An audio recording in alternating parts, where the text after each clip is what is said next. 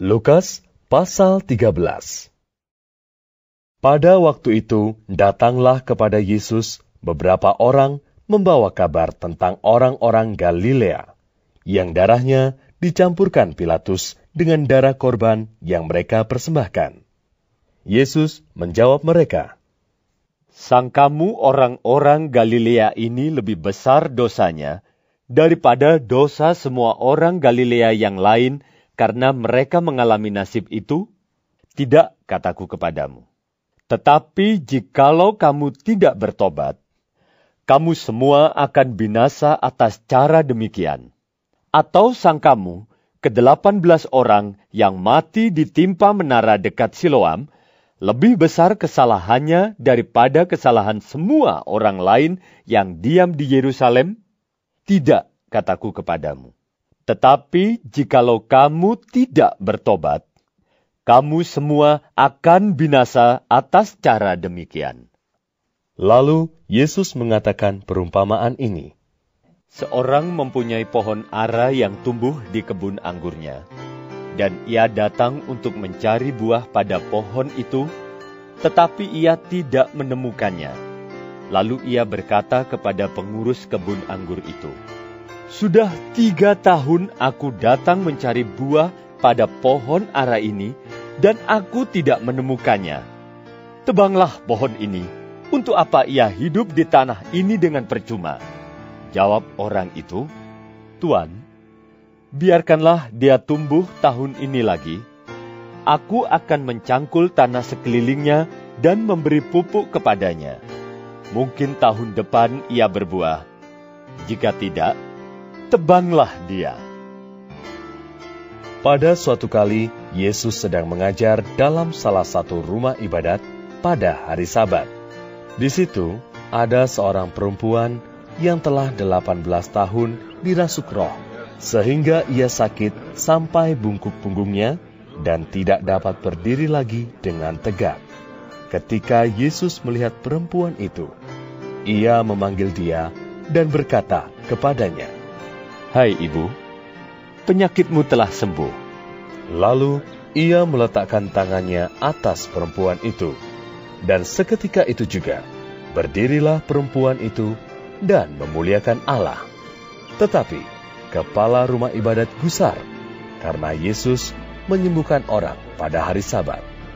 Lalu ia berkata kepada orang banyak, "Ada enam hari untuk bekerja, karena itu datanglah pada salah satu hari itu untuk disembuhkan. Dan jangan pada hari sabat. Tetapi Tuhan menjawab dia, katanya, Hai orang-orang munafik, bukankah setiap orang di antaramu melepaskan lembunya atau keledainya pada hari sabat dari kandangnya dan membawanya ke tempat minuman? Bukankah perempuan ini yang sudah 18 tahun diikat oleh iblis harus dilepaskan dari ikatannya itu karena ia adalah keturunan Abraham? Dan waktu ia berkata demikian, semua lawannya merasa malu, dan semua orang banyak bersuka cita karena segala perkara mulia yang telah dilakukannya. Maka kata Yesus, Seumpama apakah hal kerajaan Allah, dan dengan apakah aku akan mengumpamakannya? Ia seumpama biji sesawi yang diambil dan ditaburkan orang di kebunnya.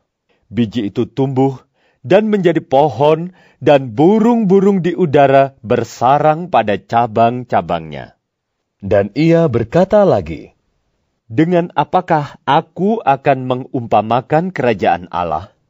Ia seumpama ragi yang diambil seorang perempuan dan diadukkan ke dalam tepung terigu tiga sukat sampai hamir seluruhnya.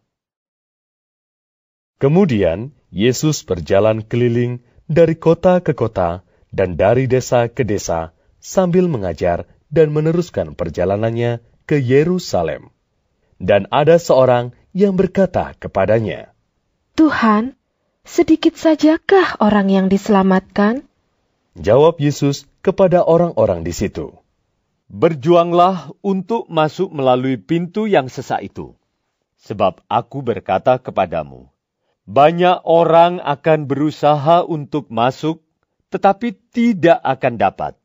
Jika tuan rumah telah bangkit dan telah menutup pintu, kamu akan berdiri di luar dan mengetok-ngetok pintu sambil berkata, "Tuan, bukakanlah kami pintu." Dan ia akan menjawab dan berkata kepadamu, "Aku tidak tahu dari mana kamu datang." Maka kamu akan berkata, "Kami telah makan dan minum di hadapanmu, dan engkau telah mengajar di jalan-jalan kota kami." Tetapi ia akan berkata kepadamu, Aku tidak tahu dari mana kamu datang. Enyahlah dari hadapanku. Hai kamu sekalian yang melakukan kejahatan. Di sanalah akan terdapat ratap dan kertak gigi apabila kamu akan melihat Abraham dan Ishak dan Yakub dan semua nabi di dalam kerajaan Allah, tetapi kamu sendiri dicampakkan keluar dan orang akan datang dari timur dan barat, dan dari utara dan selatan, dan mereka akan duduk makan di dalam kerajaan Allah. Dan sesungguhnya ada orang yang terakhir yang akan menjadi orang yang terdahulu, dan ada orang yang terdahulu yang akan menjadi orang yang terakhir. Pada waktu itu, datanglah beberapa orang Farisi dan berkata kepada Yesus, Pergilah, tinggalkanlah tempat ini, karena Herodes hendak membunuh engkau. Jawab Yesus kepada mereka, Pergilah dan katakanlah kepada si serigala itu, Aku mengusir setan dan menyembuhkan orang pada hari ini dan besok dan pada hari yang ketiga aku akan selesai. Tetapi hari ini dan besok dan lusa aku harus meneruskan perjalananku. Sebab tidaklah semestinya seorang nabi dibunuh kalau tidak di Yerusalem. Yerusalem, Yerusalem, engkau yang membunuh nabi-nabi dan melempari dengan batu orang-orang yang diutus kepadamu. Berkali-kali aku rindu mengumpulkan anak-anakmu sama seperti induk ayam mengumpulkan anak-anaknya di bawah sayapnya, tetapi kamu tidak mau. Sesungguhnya rumahmu ini akan ditinggalkan dan menjadi sunyi. Tetapi aku berkata kepadamu, kamu tidak akan melihat aku lagi hingga pada saat kamu berkata, Diberkatilah dia yang datang dalam nama Tuhan. Lukas pasal 14 Pada suatu hari sabat, Yesus datang ke rumah salah seorang pemimpin dari orang-orang Farisi untuk makan di situ. Semua yang hadir mengamat-amati dia dengan saksama. Tiba-tiba, datanglah seorang yang sakit busung air berdiri di hadapannya. Lalu, Yesus berkata kepada ahli-ahli Taurat dan orang-orang Farisi itu. Katanya, Diperbolehkankah menyembuhkan orang pada hari sabat atau tidak? Mereka itu diam semuanya. Lalu ia memegang tangan orang sakit itu dan menyembuhkannya, dan menyuruhnya pergi. Kemudian ia berkata kepada mereka, Siapakah di antara kamu yang tidak segera menarik keluar anaknya, atau lembunya kalau terperosok ke dalam sebuah sumur, meskipun pada hari Sabat, mereka tidak sanggup membantahnya. Karena Yesus melihat bahwa tamu-tamu berusaha menduduki tempat-tempat kehormatan, ia mengatakan perumpamaan ini kepada mereka. Kalau seorang mengundang engkau ke pesta perkawinan, janganlah duduk di tempat kehormatan. Sebab mungkin orang itu telah mengundang seorang yang lebih terhormat daripadamu, supaya orang itu yang mengundang engkau dan dia jangan datang dan berkata kepadamu, "Berilah tempat ini kepada orang itu." Lalu engkau dengan malu harus pergi duduk di tempat yang paling rendah. Tetapi apabila engkau diundang, pergilah duduk di tempat yang paling rendah. Mungkin tuan rumah akan datang dan berkata kepadamu, "Sahabat, silakan duduk di depan." Dan dengan demikian, engkau akan menerima hormat di depan mata semua tamu yang lain.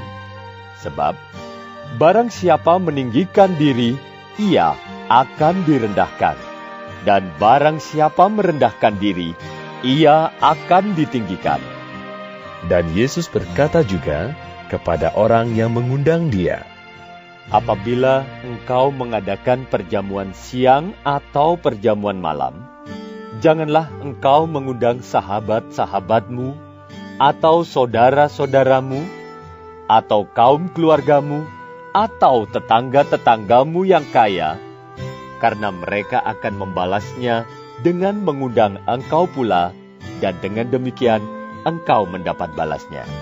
Tetapi apabila engkau mengadakan perjamuan, undanglah orang-orang miskin, orang-orang cacat, orang-orang lumpuh dan orang-orang buta, dan engkau akan berbahagia, karena mereka tidak mempunyai apa-apa untuk membalasnya kepadamu. Sebab engkau akan mendapat balasnya pada hari kebangkitan orang-orang benar. Mendengar itu, berkatalah seorang dari tamu-tamu itu kepada Yesus, Berbahagialah orang yang akan dijamu dalam kerajaan Allah. Tetapi Yesus berkata kepadanya, Ada seorang mengadakan perjamuan besar dan ia mengundang banyak orang. Menjelang perjamuan itu dimulai, ia menyuruh hambanya mengatakan kepada para undangan, Marilah, sebab segala sesuatu sudah siap. Tetapi mereka bersama-sama meminta maaf. Yang pertama berkata kepadanya, Aku telah membeli ladang, dan aku harus pergi melihatnya. Aku minta dimaafkan. Yang lain berkata, Aku telah membeli lima pasang lembu kebiri, dan aku harus pergi mencobanya. Aku minta dimaafkan. Yang lain lagi berkata, Aku baru kawin, dan karena itu aku tidak dapat datang.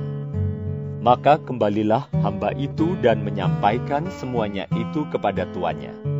Lalu murkalah tuan rumah itu dan berkata kepada hambanya, Pergilah dengan segera ke segala jalan dan lorong kota, dan bawalah kemari orang-orang miskin, dan orang-orang cacat, dan orang-orang buta, dan orang-orang lumpuh. Kemudian hamba itu melaporkan, Tuan, apa yang Tuan perintahkan itu sudah dilaksanakan, tetapi sekalipun demikian masih ada tempat. Lalu kata Tuan itu kepada hambanya, Pergilah ke semua jalan dan lintasan, dan paksalah orang-orang yang ada di situ masuk, karena rumahku harus penuh. Sebab aku berkata kepadamu, tidak ada seorang pun dari orang-orang yang telah diundang itu akan menikmati jamuanku. Pada suatu kali, banyak orang berduyun-duyun mengikuti Yesus dalam perjalanannya. Sambil berpaling, ia berkata kepada mereka, Jikalau seorang datang kepadaku dan ia tidak membenci bapaknya, ibunya, istrinya, anak-anaknya, saudara-saudaranya laki-laki atau perempuan, bahkan nyawanya sendiri, ia tidak dapat menjadi muridku.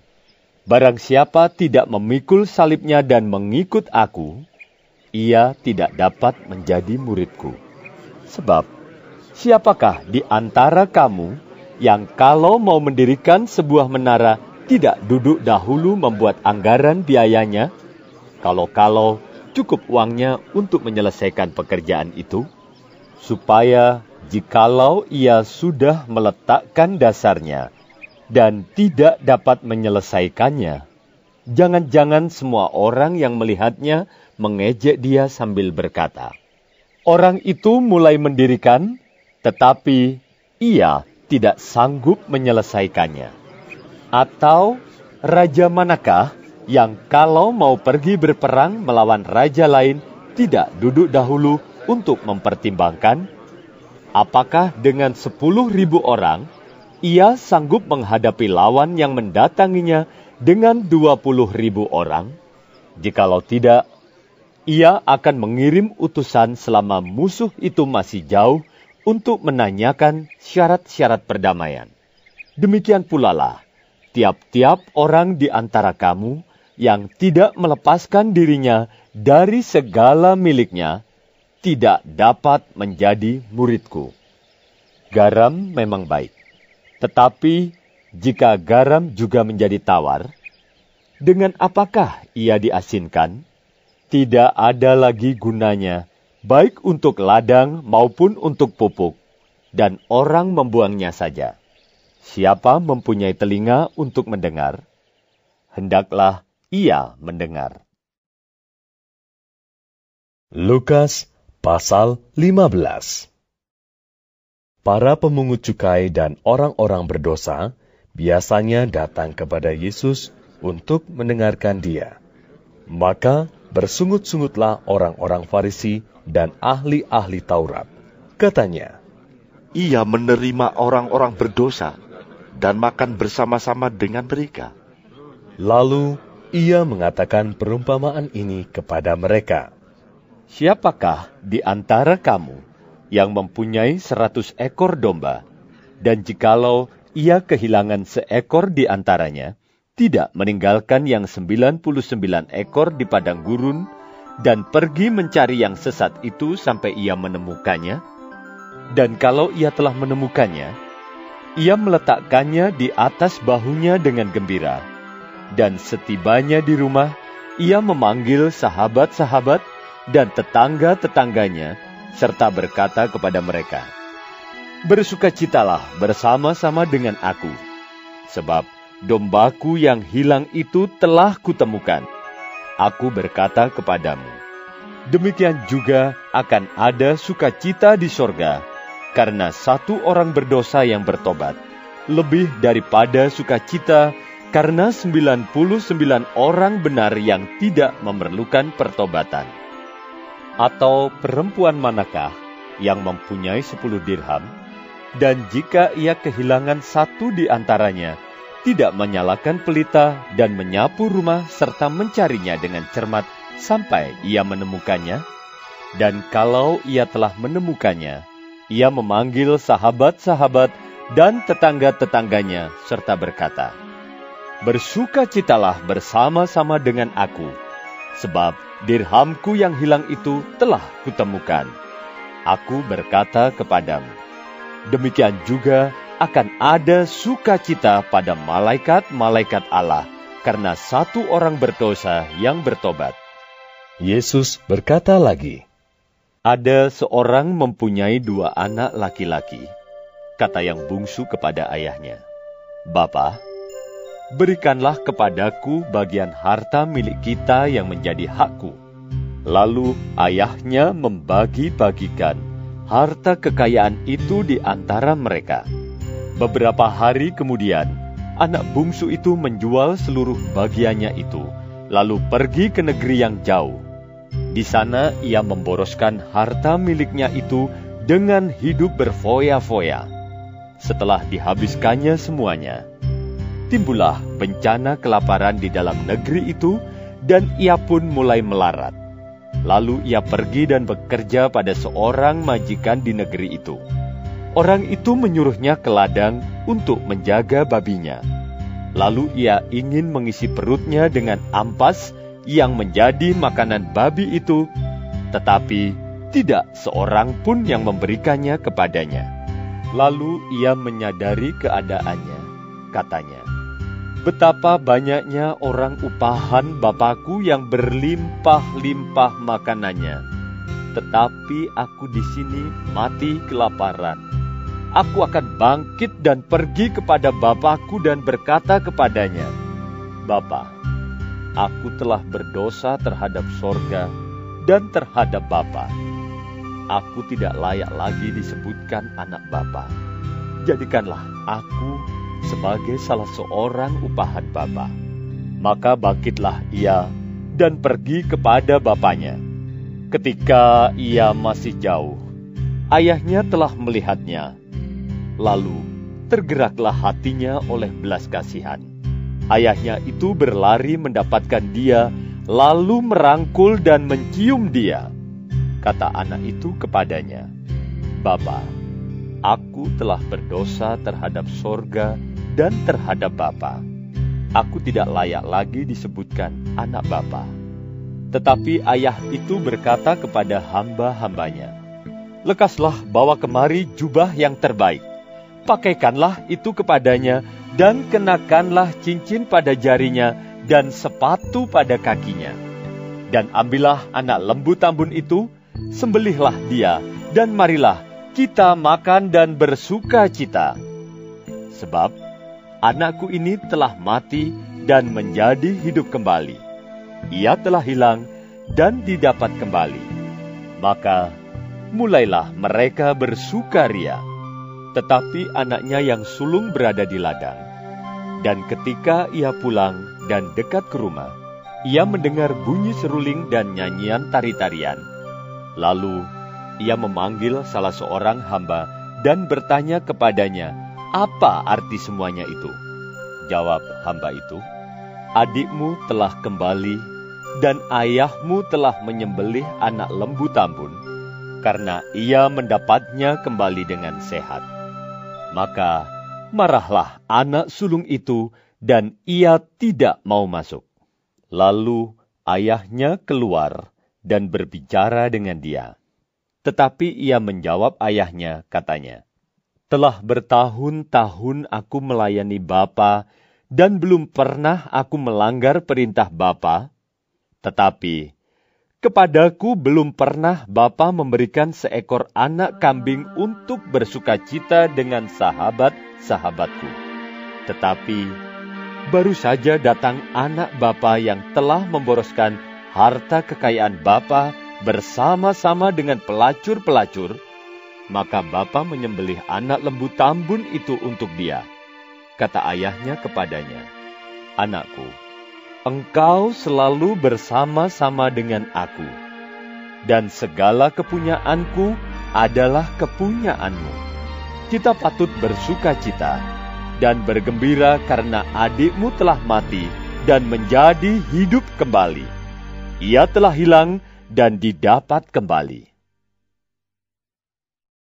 Lukas pasal 16 Dan Yesus berkata kepada murid-muridnya, Ada seorang kaya yang mempunyai seorang bendahara. Kepadanya disampaikan tuduhan bahwa bendahara itu menghamburkan miliknya. Lalu ia memanggil bendahara itu dan berkata kepadanya, Apakah yang kudengar tentang engkau? Berilah pertanggungan jawab atas urusanmu, sebab engkau tidak boleh lagi bekerja sebagai bendahara. Kata bendahara itu di dalam hatinya, Apakah yang harus aku perbuat? Tuanku memecat aku dari jabatanku sebagai bendahara. Mencangkul, aku tidak dapat. Mengemis, aku malu. Aku tahu apa yang akan aku perbuat, supaya apabila aku dipecat dari jabatanku sebagai bendahara, ada orang yang akan menampung aku di rumah mereka. Lalu ia memanggil seorang demi seorang yang berhutang kepada tuannya. Katanya kepada yang pertama, Berapakah hutangmu kepada tuanku? Jawab orang itu, seratus tempayan minyak. Lalu katanya kepada orang itu, Inilah surat hutangmu. Duduklah, dan buat surat hutang lain sekarang juga, lima puluh tempayan. Kemudian ia berkata kepada yang kedua, Dan berapakah hutangmu? Jawab orang itu, seratus pikul gandum. Katanya kepada orang itu, Inilah surat hutangmu. Buatlah surat hutang lain, delapan puluh pikul. Lalu tuan itu memuji bendahara yang tidak jujur itu, karena ia telah bertindak dengan cerdik. Sebab anak-anak dunia ini lebih cerdik terhadap sesamanya daripada anak-anak terang. Dan aku berkata kepadamu, ikatlah persahabatan dengan mempergunakan mamon yang tidak jujur, supaya jika mamon itu tidak dapat menolong lagi, kamu diterima di dalam kemah abadi. Barang siapa setia dalam perkara-perkara kecil, ia setia juga dalam perkara-perkara besar. Dan barang siapa tidak benar dalam perkara-perkara kecil, ia tidak benar juga dalam perkara-perkara besar. Jadi, jikalau kamu tidak setia dalam hal mamon yang tidak jujur, siapakah yang akan mempercayakan kepadamu harta yang sesungguhnya? Dan jikalau kamu tidak setia dalam harta orang lain, siapakah yang akan menyerahkan hartamu sendiri kepadamu?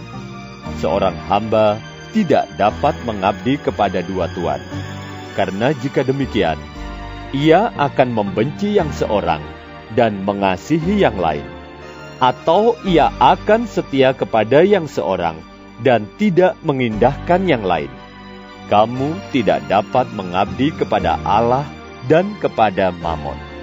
Semuanya itu didengar oleh orang-orang Farisi, hamba-hamba uang itu. Dan mereka mencemoohkan dia. Lalu ia berkata kepada mereka, Kamu membenarkan diri di hadapan orang, tetapi Allah mengetahui hatimu. Sebab apa yang dikagumi manusia, dibenci oleh Allah. Hukum Taurat dan kitab para nabi berlaku sampai kepada zaman Yohanes. Dan sejak waktu itu, kerajaan Allah diberitakan, dan setiap orang menggagahinya berebut memasukinya. Lebih mudah langit dan bumi lenyap daripada satu titik dari hukum Taurat batal. Setiap orang yang menceraikan istrinya lalu kawin dengan perempuan lain, ia berbuat zina. Dan barang siapa kawin dengan perempuan yang diceraikan suaminya, ia berbuat zina.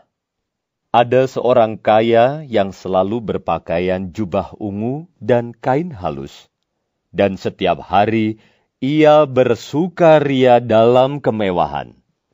Dan ada seorang pengemis bernama Lazarus, badannya penuh dengan borok, berbaring dekat pintu rumah orang kaya itu, dan ingin menghilangkan laparnya dengan apa yang jatuh dari meja orang kaya itu. Malahan, anjing-anjing datang dan menjilat boroknya. Kemudian, matilah orang miskin itu, lalu dibawa oleh malaikat-malaikat ke pangkuan Abraham. Orang kaya itu juga mati lalu dikubur. Dan sementara ia menderita sengsara di alam maut, ia memandang ke atas, dan dari jauh dilihatnya Abraham, dan Lazarus duduk di pangkuannya. Lalu ia berseru katanya, Bapak Abraham, kasihanilah aku. Suruhlah Lazarus supaya ia mencelupkan ujung jarinya ke dalam air dan menyejukkan lidahku, sebab Aku sangat kesakitan dalam nyala api ini. Tetapi Abraham berkata, Anak, ingatlah bahwa engkau telah menerima segala yang baik sewaktu hidupmu, sedangkan Lazarus segala yang buruk. Sekarang, ia mendapat hiburan dan engkau sangat menderita. Selain daripada itu, di antara kami dan engkau terbentang jurang yang tak terseberangi, supaya mereka yang mau pergi dari sini kepadamu, ataupun mereka yang mau datang dari situ kepada kami, tidak dapat menyeberang. Kata orang itu, kalau demikian, aku minta kepadamu, Bapa, supaya engkau menyuruh dia ke rumah ayahku. Sebab masih ada lima orang saudaraku, supaya ia memperingati mereka dengan sungguh-sungguh agar mereka jangan masuk kelak ke dalam tempat penderitaan ini. Tetapi kata Abraham, ada pada mereka kesaksian Musa dan para nabi. Baiklah mereka mendengarkan kesaksian itu. Jawab orang itu, Tidak, Bapak Abraham. Tetapi jika ada seorang yang datang dari antara orang mati kepada mereka, mereka akan bertobat, kata Abraham kepadanya. Jika mereka tidak mendengarkan kesaksian Musa dan para nabi, mereka tidak juga akan mau diyakinkan, sekalipun oleh seorang yang bangkit dari antara orang mati. Lukas pasal 17 Yesus berkata kepada murid-muridnya, Tidak mungkin tidak akan ada penyesatan, tetapi celakalah orang yang mengadakannya. Adalah lebih baik baginya jika sebuah batu kilangan diikatkan pada lehernya, lalu ia dilemparkan ke dalam laut, daripada menyesatkan salah satu dari orang-orang yang lemah ini. Jagalah dirimu. Jikalau saudaramu berbuat dosa, tegurlah dia. Dan jikalau ia menyesal, ampunilah dia. Bahkan, jikalau ia berbuat dosa terhadap engkau tujuh kali sehari, dan tujuh kali ia kembali kepadamu dan berkata, Aku menyesal, engkau harus mengampuni dia. Lalu kata rasul-rasul itu kepada Tuhan, Tambahkanlah iman kami. Jawab Tuhan, Kalau sekiranya kamu mempunyai iman sebesar biji sesawi saja, kamu dapat berkata kepada pohon ara ini, Terbantunlah engkau dan tertanamlah di dalam laut, dan ia akan taat kepadamu. Siapa di antara kamu yang mempunyai seorang hamba yang membajak atau menggembalakan ternak baginya, akan berkata kepada hamba itu setelah ia pulang dari ladang, Mari, segera makan. Bukankah sebaliknya ia akan berkata kepada hamba itu, Sediakanlah makananku, ikatlah pinggangmu, dan layanilah aku sampai selesai aku makan dan minum. Dan sesudah itu, engkau boleh makan dan minum. Adakah ia berterima kasih kepada hamba itu, karena hamba itu telah melakukan apa yang ditugaskan kepadanya? Demikian jugalah kamu. Apabila kamu telah melakukan segala sesuatu yang ditugaskan kepadamu, hendaklah kamu berkata, "Kami adalah hamba-hamba yang tidak berguna. Kami hanya melakukan apa yang kami harus lakukan." Dalam perjalanannya ke Yerusalem, Yesus menyusur perbatasan Samaria dan Galilea. Ketika ia memasuki suatu desa, datanglah sepuluh orang kusta menemui dia. Mereka tinggal berdiri agak jauh dan berteriak, Yesus, Guru, kasihanilah kami. Lalu ia memandang mereka dan berkata, Pergilah, perlihatkanlah dirimu kepada imam-imam. Dan sementara mereka di tengah jalan, mereka menjadi tahir. Seorang dari mereka, ketika melihat bahwa ia telah sembuh, kembali sambil memuliakan Allah dengan suara nyaring. Lalu tersungkur di depan kaki Yesus dan mengucap syukur kepadanya. Orang itu adalah seorang Samaria. Lalu Yesus berkata, Bukankah kesepuluh orang tadi semuanya telah menjadi tahir? Di manakah yang sembilan orang itu? Tidak adakah di antara mereka yang kembali untuk memuliakan Allah selain daripada orang asing ini? Lalu ia berkata kepada orang itu, Berdirilah dan pergilah. Imanmu telah menyelamatkan engkau. Atas pertanyaan orang-orang Farisi, apabila kerajaan Allah akan datang, Yesus menjawab, katanya, Kerajaan Allah datang tanpa tanda-tanda lahiriah. Juga orang tidak dapat mengatakan, "Lihat, ia ada di sini," atau "ia ada di sana." Sebab sesungguhnya kerajaan Allah ada di antara kamu. Dan ia berkata kepada murid-muridnya, Akan datang waktunya kamu ingin melihat satu daripada hari-hari anak manusia itu, dan kamu tidak akan melihatnya. Dan orang akan berkata kepadamu, Lihat, ia ada di sana. Lihat, ia ada di sini. Jangan kamu pergi ke situ. Jangan kamu ikut. Sebab sama seperti kilat memancar dari ujung langit yang satu ke ujung langit yang lain, demikian pulalah kelak halnya anak manusia pada hari kedatangannya. Tetapi ia harus menanggung banyak penderitaan dahulu dan ditolak oleh angkatan ini. Dan sama seperti terjadi pada zaman Nuh, Demikian pulalah halnya kelak pada hari-hari anak manusia. Mereka makan dan minum, mereka kawin dan dikawinkan, sampai kepada hari Nuh masuk ke dalam bahtera, lalu datanglah air bah dan membinasakan mereka semua. Demikian juga seperti yang terjadi di zaman Lot. Mereka makan dan minum, mereka membeli dan menjual, mereka menanam dan membangun. Tetapi pada hari Lot pergi keluar dari Sodom, turunlah hujan api dan hujan belerang dari langit dan membinasakan mereka semua. Demikianlah halnya kelak pada hari di mana anak manusia menyatakan dirinya. Barang siapa pada hari itu sedang di peranginan di atas rumah, dan barang-barangnya ada di dalam rumah, janganlah ia turun untuk mengambilnya. Dan demikian juga orang yang sedang di ladang, janganlah ia kembali.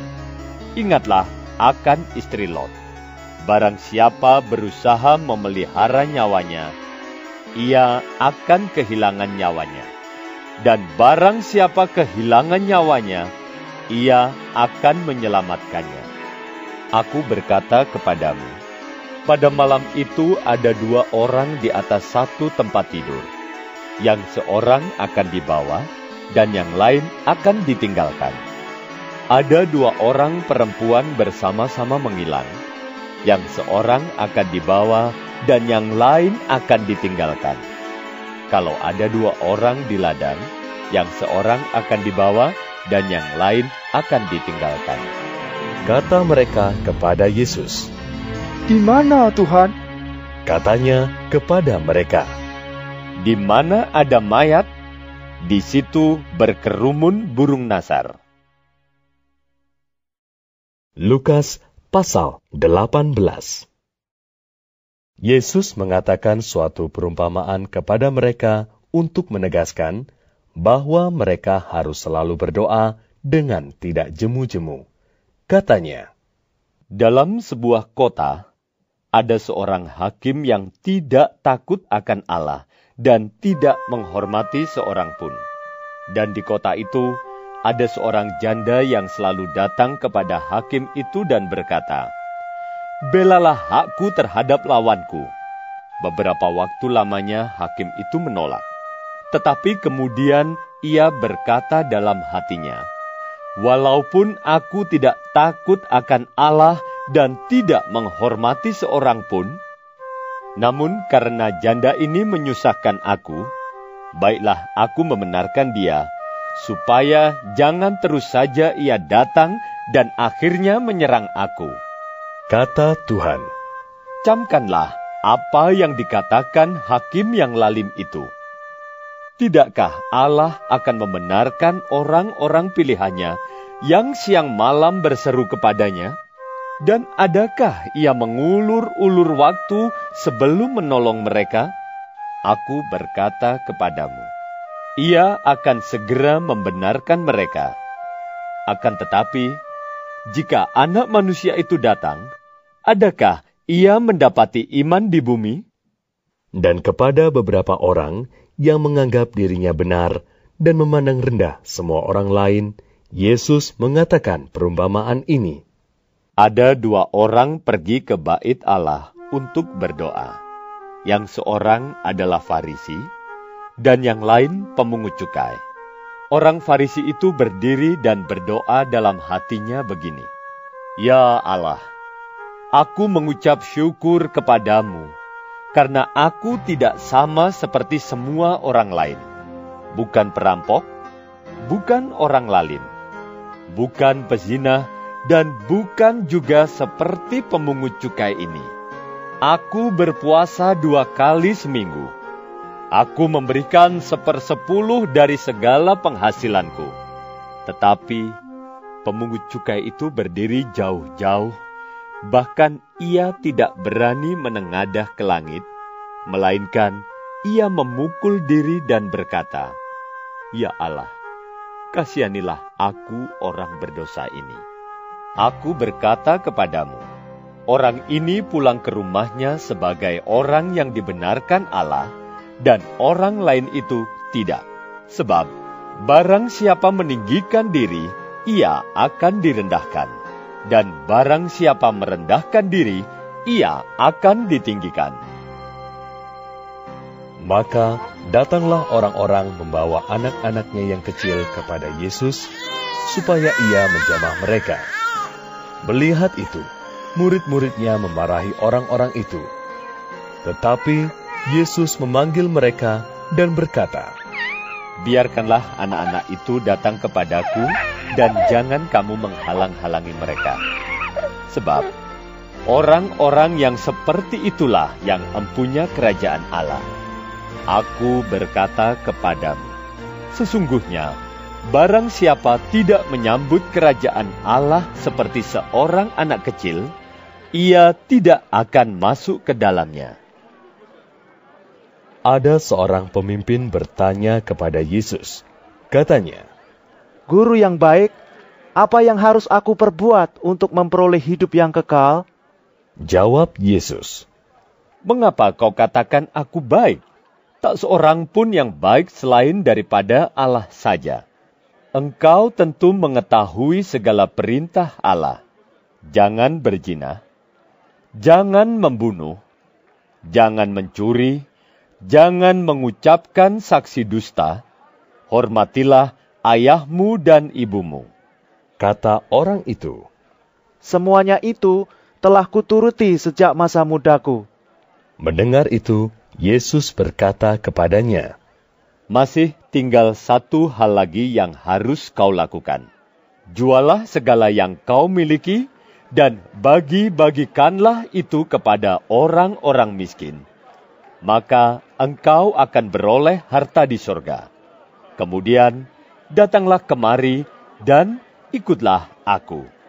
Ketika orang itu mendengar perkataan itu, ia menjadi amat sedih, sebab ia sangat kaya. Lalu Yesus memandang dia dan berkata, Alangkah sukarnya orang yang beruang masuk ke dalam kerajaan Allah. Sebab lebih mudah seekor unta masuk melalui lubang jarum daripada seorang kaya masuk ke dalam kerajaan Allah. Dan mereka yang mendengar itu berkata, Jika demikian, siapakah yang dapat diselamatkan? Kata Yesus, Apa yang tidak mungkin bagi manusia, mungkin bagi Allah. Petrus berkata, Kami ini telah meninggalkan segala kepunyaan kami dan mengikut engkau. Kata Yesus kepada mereka, Aku berkata kepadamu, sesungguhnya setiap orang yang karena kerajaan Allah meninggalkan rumahnya, istrinya, atau saudaranya, orang tuanya, atau anak-anaknya, akan menerima kembali lipat ganda pada masa ini juga, dan pada zaman yang akan datang, ia akan menerima hidup yang kekal. Yesus memanggil kedua belas muridnya, lalu berkata kepada mereka, Sekarang kita pergi ke Yerusalem, dan segala sesuatu yang ditulis oleh para nabi mengenai anak manusia akan digenapi. sebab ia akan diserahkan kepada bangsa-bangsa yang tidak mengenal Allah, diolok-olokkan, dihina dan diludahi, dan mereka menyesah dan membunuh dia. Dan pada hari ketiga, ia akan bangkit. Akan tetapi, mereka sama sekali tidak mengerti semuanya itu. Arti perkataan itu tersembunyi bagi mereka, dan mereka tidak tahu apa yang dimaksudkan. Waktu Yesus hampir tiba di Yeriko, ada seorang buta yang duduk di pinggir jalan dan mengemis. Waktu orang itu mendengar orang banyak lewat, ia bertanya, A "Apa itu?"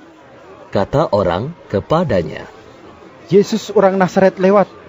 Lalu ia berseru, Yesus, anak Daud, kasihanilah aku. Maka mereka yang berjalan di depan menegur dia supaya ia diam.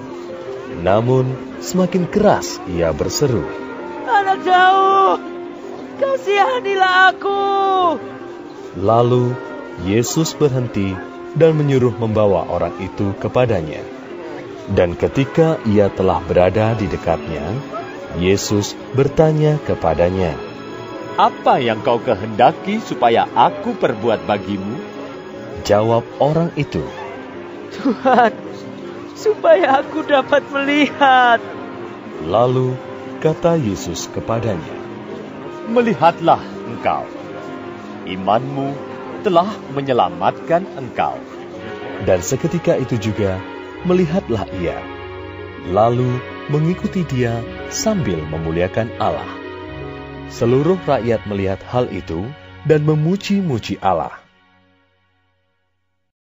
Lukas pasal 19 Yesus masuk ke kota Yeriko dan berjalan terus melintasi kota itu. Di situ ada seorang bernama Sakeus, kepala pemungut cukai, dan ia seorang yang kaya. Ia berusaha untuk melihat orang apakah Yesus itu. Tetapi ia tidak berhasil karena orang banyak, sebab badannya pendek. Maka berlarilah ia mendahului orang banyak, lalu memanjat pohon ara untuk melihat Yesus yang akan lewat di situ. Ketika Yesus sampai ke tempat itu, ia melihat ke atas dan berkata, Sakeus, segeralah turun, sebab hari ini aku harus menumpang di rumahmu. Lalu Sakeus segera turun dan menerima Yesus dengan sukacita. Tetapi semua orang yang melihat hal itu bersungut-sungut. Katanya, Ia menumpang di rumah orang berdosa. Tetapi Sakeus berdiri dan berkata kepada Tuhan, Tuhan, setengah dari milikku akan kuberikan kepada orang miskin. Dan sekiranya ada sesuatu yang kuperas dari seseorang, akan kukembalikan empat kali lipat. Kata Yesus kepadanya, Hari ini telah terjadi keselamatan kepada rumah ini, karena orang ini pun anak Abraham. Sebab anak manusia datang untuk mencari dan menyelamatkan yang hilang. Untuk mereka yang mendengarkan dia di situ, Yesus melanjutkan perkataannya dengan suatu perumpamaan. Sebab ia sudah dekat Yerusalem dan mereka menyangka bahwa kerajaan Allah akan segera kelihatan. Maka ia berkata, Ada seorang bangsawan berangkat ke sebuah negeri yang jauh untuk dinobatkan menjadi raja di situ, dan setelah itu baru kembali. Ia memanggil sepuluh orang hambanya dan memberikan sepuluh mina kepada mereka. Katanya, pakailah ini untuk berdagang sampai aku datang kembali. Akan tetapi, orang-orang sebangsanya membenci dia, lalu mengirimkan utusan menyusul dia untuk mengatakan, "Kami tidak mau orang ini menjadi raja atas kami." Dan terjadilah ketika ia kembali setelah ia dinobatkan menjadi raja, ia menyuruh memanggil hamba-hambanya yang telah diberinya uang itu untuk mengetahui berapa hasil dagang mereka masing-masing. Orang yang pertama datang dan berkata, Tuan, mina tuan yang satu itu telah menghasilkan sepuluh mina. Katanya kepada orang itu, Baik sekali perbuatanmu itu, hai hamba yang baik. Engkau telah setia dalam perkara kecil, karena itu terimalah kekuasaan atas sepuluh kota. Datanglah yang kedua dan berkata, Tuan, mina tuan telah menghasilkan lima mina. Katanya kepada orang itu, dan engkau kuasailah lima kota. Dan hamba yang ketiga datang dan berkata, Tuan, inilah mina tuan. Aku telah menyimpannya dalam sapu tangan. Sebab aku takut akan Tuan, karena Tuan adalah manusia yang keras. Tuan mengambil apa yang tidak pernah Tuan taruh, dan Tuan menuai apa yang tidak Tuan tabur. Katanya kepada orang itu, Hai hamba yang jahat, aku akan menghakimi engkau menurut perkataanmu sendiri. Engkau sudah tahu bahwa aku adalah orang yang keras, yang mengambil apa yang tidak pernah aku taruh, dan menuai apa yang tidak aku tabur. Jika demikian, mengapa uangku itu tidak kau berikan kepada orang yang menjalankan uang? Maka sekembaliku, aku dapat mengambilnya serta dengan bunganya. Lalu katanya kepada orang-orang yang berdiri di situ, Ambillah mina yang satu itu daripadanya, dan berikanlah kepada orang yang mempunyai sepuluh mina itu. Kata mereka kepadanya, Tuan, ia sudah mempunyai sepuluh mina. Jawabnya, Aku berkata kepadamu, setiap orang yang mempunyai, kepadanya akan diberi. Tetapi siapa yang tidak mempunyai, daripadanya akan diambil juga apa yang ada padanya.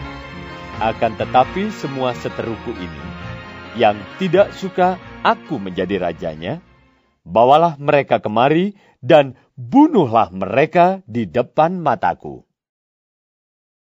Dan setelah mengatakan semuanya itu, Yesus mendahului mereka dan meneruskan perjalanannya ke Yerusalem. Ketika ia telah dekat Betfage dan Betania, yang terletak di gunung yang bernama Bukit Saitun, Yesus menyuruh dua orang muridnya dengan pesan. Pergilah ke kampung yang di depanmu itu. Pada waktu kamu masuk di situ, kamu akan mendapati seekor keledai muda tertambat yang belum pernah ditunggangi orang. Lepaskanlah keledai itu dan bawalah kemari. Dan jika ada orang bertanya kepadamu, "Mengapa kamu melepaskannya?" Jawablah begini: "Tuhan memerlukannya." Lalu pergilah mereka yang disuruh itu, dan mereka mendapati segala sesuatu seperti yang telah dikatakan Yesus. Ketika mereka melepaskan keledai itu, berkatalah orang yang empunya keledai itu, "Mengapa kamu melepaskan keledai itu?" Kata mereka, Tuhan memerlukannya. Mereka membawa keledai itu kepada Yesus, lalu mengalasinya dengan pakaian mereka dan menolong Yesus naik ke atasnya. Dan sementara Yesus mengendarai keledai itu, mereka menghamparkan pakaiannya di jalan. Ketika ia dekat Yerusalem, di tempat jalan menurun dari Bukit Zaitun, mulailah semua murid yang mengiringi dia bergembira dan memuji Allah dengan suara nyaring oleh karena segala mujizat yang telah mereka lihat. Kata mereka, Diberkatilah dia yang datang sebagai Raja dalam nama Tuhan. Damai sejahtera di sorga dan kemuliaan di tempat yang maha tinggi. Beberapa orang Farisi yang turut dengan orang banyak itu berkata kepada Yesus, Guru, tegurlah murid-muridmu itu. Jawabnya, Aku berkata kepadamu, jika mereka ini diam, maka batu ini akan berteriak. Dan ketika Yesus telah dekat dan melihat kota itu, ia menangisinya. Katanya, Wahai betapa baiknya jika pada hari ini juga engkau mengerti apa yang perlu untuk damai sejahteramu. Tetapi sekarang hal itu tersembunyi bagi matamu. Sebab akan datang harinya bahwa musuhmu akan mengelilingi engkau dengan kubu, lalu mengepung engkau dan menghimpit engkau dari segala jurusan, dan mereka akan membinasakan engkau beserta dengan pendudukmu, dan pada tembokmu mereka tidak akan membiarkan satu batu pun tinggal terletak di atas batu yang lain, karena engkau tidak mengetahui saat bila mana Allah melawat engkau. Lalu Yesus masuk ke bait Allah dan mulailah ia mengusir semua pedagang di situ. Katanya kepada mereka, Ada tertulis, rumahku adalah rumah doa. Tetapi kamu menjadikannya sarang penyamun. Tiap-tiap hari ia mengajar di dalam bait Allah. Imam-imam kepala dan ahli-ahli Taurat serta orang-orang terkemuka dari bangsa Israel berusaha untuk membinasakan dia. Tetapi mereka tidak tahu bagaimana harus melakukannya, sebab seluruh rakyat terpikat kepadanya dan ingin mendengarkan dia. Lukas pasal 20 Pada suatu hari, ketika Yesus mengajar orang banyak di bait Allah, dan memberitakan Injil, datanglah imam-imam kepala dan ahli-ahli Taurat serta tua-tua ke situ. Dan mereka berkata kepada Yesus, Katakanlah kepada kami, dengan kuasa manakah engkau melakukan hal-hal itu? Dan siapa yang memberikan kuasa itu kepadamu? Jawab Yesus kepada mereka, aku juga akan mengajukan suatu pertanyaan kepada kamu. Katakanlah kepadaku, baptisan Yohanes itu dari sorga atau dari manusia? Mereka mempertimbangkannya di antara mereka dan berkata, Jikalau kita katakan dari sorga, ia akan berkata, Mengapakah kamu tidak percaya kepadanya? Tetapi, jikalau kita katakan dari manusia, seluruh rakyat akan melempari kita dengan batu, sebab mereka yakin bahwa Yohanes adalah seorang nabi. Lalu mereka menjawab bahwa mereka tidak tahu dari mana baptisan itu. Maka kata Yesus kepada mereka, Jika demikian, aku juga tidak mengatakan kepadamu dengan kuasa manakah aku melakukan hal-hal itu. Lalu Yesus mengatakan perumpamaan ini kepada orang banyak. Seorang membuka kebun anggur. Kemudian ia menyewakannya kepada penggarap-penggarap, lalu berangkat ke negeri lain untuk waktu yang agak lama. Dan ketika sudah tiba musimnya, ia menyuruh seorang hamba kepada penggarap-penggarap itu supaya mereka menyerahkan sebagian dari hasil kebun anggur itu kepadanya. Tetapi penggarap-penggarap itu memukul hamba itu dan menyuruhnya pulang dengan tangan hampa. Sesudah itu, ia menyuruh seorang hamba yang lain. Tetapi hamba itu juga dipukul dan dipermalukan oleh mereka, lalu disuruh pulang dengan tangan hampa. Selanjutnya, ia menyuruh hamba yang ketiga. Tetapi orang itu juga dilukai oleh mereka, lalu dilemparkan keluar kebun itu. Maka kata tuan kebun anggur itu, Apakah yang harus kuperbuat? Aku akan menyuruh anakku yang kekasih. Tentu ia mereka segani. Tetapi ketika penggarap-penggarap itu melihat anaknya itu, mereka berunding katanya, ia adalah ahli waris. Mari kita bunuh dia, supaya warisan ini menjadi milik kita. Lalu mereka melemparkan dia keluar kebun anggur itu dan membunuhnya. Sekarang, apa yang akan dilakukan oleh tuan kebun anggur itu dengan mereka, ia akan datang dan membinasakan penggarap-penggarap itu dan mempercayakan kebun anggur itu kepada orang-orang lain. Mendengar itu, mereka berkata, Sekali-kali jangan. Tetapi Yesus memandang mereka dan berkata, Jika demikian, apakah arti nas ini? Batu yang dibuang oleh tukang-tukang bangunan telah menjadi batu penjuru. Barang siapa jatuh ke atas batu itu, ia akan hancur. Dan barang siapa ditimpa batu itu, ia akan remuk. Lalu ahli-ahli Taurat dan imam-imam kepala berusaha menangkap dia pada saat itu juga. Sebab mereka tahu bahwa merekalah yang dimaksudkannya dengan perumpamaan itu. Tetapi mereka takut kepada orang banyak. Ahli-ahli Taurat dan imam-imam kepala mengamat-amati Yesus.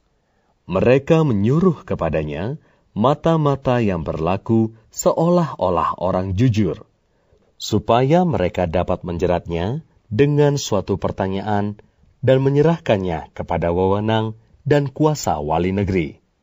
Orang-orang itu mengajukan pertanyaan ini kepadanya. Guru, kami tahu bahwa segala perkataan dan pengajaranmu benar, dan engkau tidak mencari muka, melainkan dengan jujur mengajar jalan Allah. Apakah kami diperbolehkan membayar pajak kepada kaisar atau tidak? Tetapi Yesus mengetahui maksud mereka yang licik itu, lalu berkata kepada mereka, Tunjukkanlah kepadaku suatu dinar. Gambar dan tulisan siapakah ada padanya? Jawab mereka, Gambar dan tulisan Kaisar. Lalu kata Yesus kepada mereka, Kalau begitu, berikanlah kepada Kaisar apa yang wajib kamu berikan kepada Kaisar dan kepada Allah apa yang wajib kamu berikan kepada Allah. Dan mereka tidak dapat menjerat dia dalam perkataannya di depan orang banyak. Mereka heran akan jawabnya itu, dan mereka diam. Maka datanglah kepada Yesus beberapa orang Saduki yang tidak mengakui adanya kebangkitan. Mereka bertanya kepadanya, Guru, Musa menuliskan perintah ini untuk kita, jika seorang yang mempunyai saudara laki-laki mati sedang istrinya masih ada, tetapi ia tidak meninggalkan anak, saudaranya harus kawin dengan istrinya itu dan membangkitkan keturunan bagi saudaranya itu. Adalah tujuh orang bersaudara yang pertama kawin dengan seorang perempuan, lalu mati dengan tidak meninggalkan anak. Lalu perempuan itu dikawini oleh yang kedua, dan oleh yang ketiga, dan demikianlah berturut-turut oleh ketujuh saudara itu. Mereka semuanya mati dengan tidak meninggalkan anak. Akhirnya, perempuan itu pun mati. Bagaimana sekarang dengan perempuan itu? Siapakah di antara orang-orang itu yang menjadi suaminya pada hari kebangkitan? Sebab ketujuhnya telah beristrikan dia. Jawab Yesus kepada mereka, Orang-orang dunia ini kawin dan dikawinkan tetapi mereka yang dianggap layak untuk mendapat bagian dalam dunia yang lain itu, dan dalam kebangkitan dari antara orang mati, tidak kawin dan tidak dikawinkan, sebab mereka tidak dapat mati lagi. Mereka sama seperti malaikat-malaikat, dan mereka adalah anak-anak Allah, karena mereka telah dibangkitkan. Tentang bangkitnya orang-orang mati, Musa telah memberitahukannya dalam nas tentang semak duri, di mana Tuhan disebut Allah Abraham. Allah Ishak dan Allah Yakub. Ia bukan Allah orang mati, melainkan Allah orang hidup, sebab di hadapan Dia semua orang hidup. Mendengar itu, beberapa ahli Taurat berkata, Guru, jawabmu itu tepat sekali. Sebab mereka tidak berani lagi menanyakan apa-apa kepada Yesus. Tetapi Yesus berkata kepada mereka, Bagaimana orang dapat mengatakan bahwa Mesias adalah anak Daud? Sebab Daud sendiri berkata dalam kitab Mazmur, Tuhan telah berfirman kepada Tuanku, Duduklah di sebelah kananku, sampai kubuat musuh-musuhmu menjadi tumpuan kakimu. Jadi, Daud menyebut dia tuannya. Bagaimana mungkin ia anaknya pula? Ketika semua orang banyak mendengarkan, Yesus berkata kepada murid-muridnya, Waspadalah terhadap ahli-ahli Taurat yang suka berjalan-jalan memakai jubah panjang dan suka menerima penghormatan di pasar, yang suka duduk di tempat terdepan di rumah ibadat dan di tempat terhormat dalam perjamuan, yang menelan rumah janda-janda dan yang mengelabui mata orang dengan doa yang panjang-panjang. Mereka itu pasti akan menerima hukuman yang lebih berat. Lukas pasal 21 Ketika Yesus mengangkat mukanya, ia melihat orang-orang kaya memasukkan persembahan mereka ke dalam peti persembahan. Ia melihat juga seorang janda miskin memasukkan dua peser ke dalam peti itu. Lalu ia berkata, Aku berkata kepadamu, sesungguhnya janda miskin ini memberi lebih banyak daripada semua orang itu. Sebab mereka semua memberi persembahannya dari kelimpahannya. Tetapi janda ini memberi dari kekurangannya, bahkan ia memberi seluruh nafkahnya. Ketika beberapa orang berbicara tentang bait Allah dan mengagumi bangunan itu yang dihiasi dengan batu yang indah-indah dan dengan berbagai-bagai barang persembahan, berkatalah Yesus, "Apa yang kamu lihat di situ akan datang harinya di mana tidak ada satu batu pun akan dibiarkan terletak di atas batu yang lain. Semuanya akan diruntuhkan." Dan murid-murid bertanya kepada Yesus, katanya, Guru, bila manakah itu akan terjadi? Dan apakah tandanya? Kalau itu akan terjadi? Jawabnya, Waspadalah, supaya kamu jangan disesatkan. Sebab banyak orang akan datang dengan memakai namaku dan berkata, Akulah dia, dan saatnya sudah dekat. Janganlah kamu mengikuti mereka. Dan apabila kamu mendengar tentang peperangan dan pemberontakan, janganlah kamu terkejut. Sebab semuanya itu harus terjadi dahulu. Tetapi itu tidak berarti kesudahannya akan datang segera. Ia berkata kepada mereka, Bangsa akan bangkit melawan bangsa dan kerajaan melawan kerajaan dan akan terjadi gempa bumi yang dahsyat dan di berbagai tempat akan ada penyakit sampar dan kelaparan. Dan akan terjadi juga hal-hal yang mengejutkan dan tanda-tanda yang dahsyat dari langit.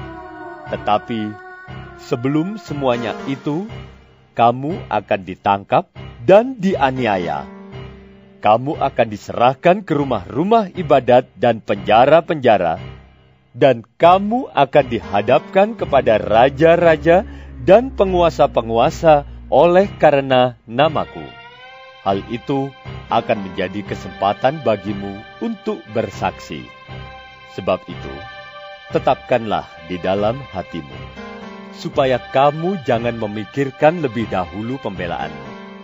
Sebab aku sendiri akan memberikan kepadamu kata-kata hikmat, sehingga kamu tidak dapat ditentang atau dibantah lawan-lawanmu, dan kamu akan diserahkan juga oleh orang tuamu, saudara-saudaramu, kaum keluargamu, dan sahabat-sahabatmu, dan beberapa orang di antara kamu akan dibunuh, dan kamu akan dibenci semua orang oleh karena namaku.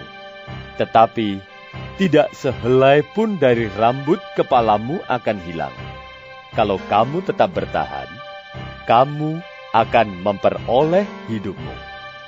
Apabila kamu melihat Yerusalem dikepung oleh tentara-tentara, ketahuilah bahwa keruntuhannya sudah dekat.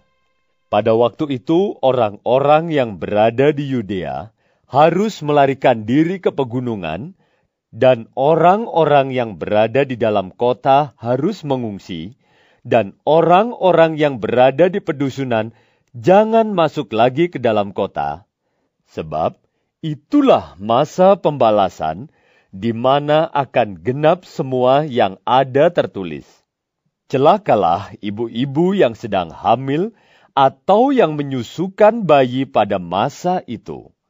Sebab akan datang kesesakan yang dahsyat atas seluruh negeri dan murka atas bangsa ini, dan mereka akan tewas oleh mata pedang dan dibawa sebagai tawanan ke segala bangsa, dan Yerusalem akan diinjak-injak oleh bangsa-bangsa yang tidak mengenal Allah sampai genaplah zaman bangsa-bangsa itu.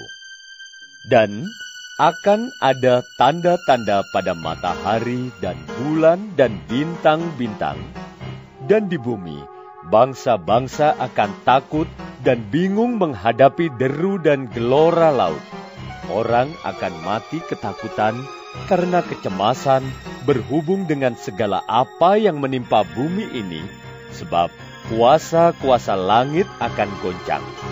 Pada waktu itu, orang akan melihat anak manusia datang dalam awan dengan segala kekuasaan dan kemuliaannya. Apabila semuanya itu mulai terjadi, bangkitlah dan angkatlah mukamu, sebab penyelamatanmu sudah dekat. Lalu Yesus mengatakan perumpamaan ini kepada mereka. Perhatikanlah pohon ara atau pohon apa saja. Apabila kamu melihat pohon-pohon itu sudah bertunas, kamu tahu dengan sendirinya bahwa musim panas sudah dekat. Demikian juga, jika kamu melihat hal-hal itu terjadi, ketahuilah bahwa kerajaan Allah sudah dekat. Aku berkata kepadamu, sesungguhnya angkatan ini tidak akan berlalu sebelum semuanya terjadi. Langit dan bumi akan berlalu, tetapi perkataanku tidak akan berlalu. Jagalah dirimu, supaya hatimu jangan syarat oleh pesta pora dan kemabukan serta kepentingan-kepentingan duniawi, dan supaya hari Tuhan jangan dengan tiba-tiba jatuh ke atas dirimu seperti suatu jerat.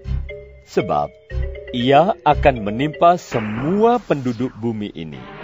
Berjaga-jagalah senantiasa sambil berdoa, supaya kamu beroleh kekuatan untuk luput dari semua yang akan terjadi itu, dan supaya kamu tahan berdiri di hadapan Anak Manusia.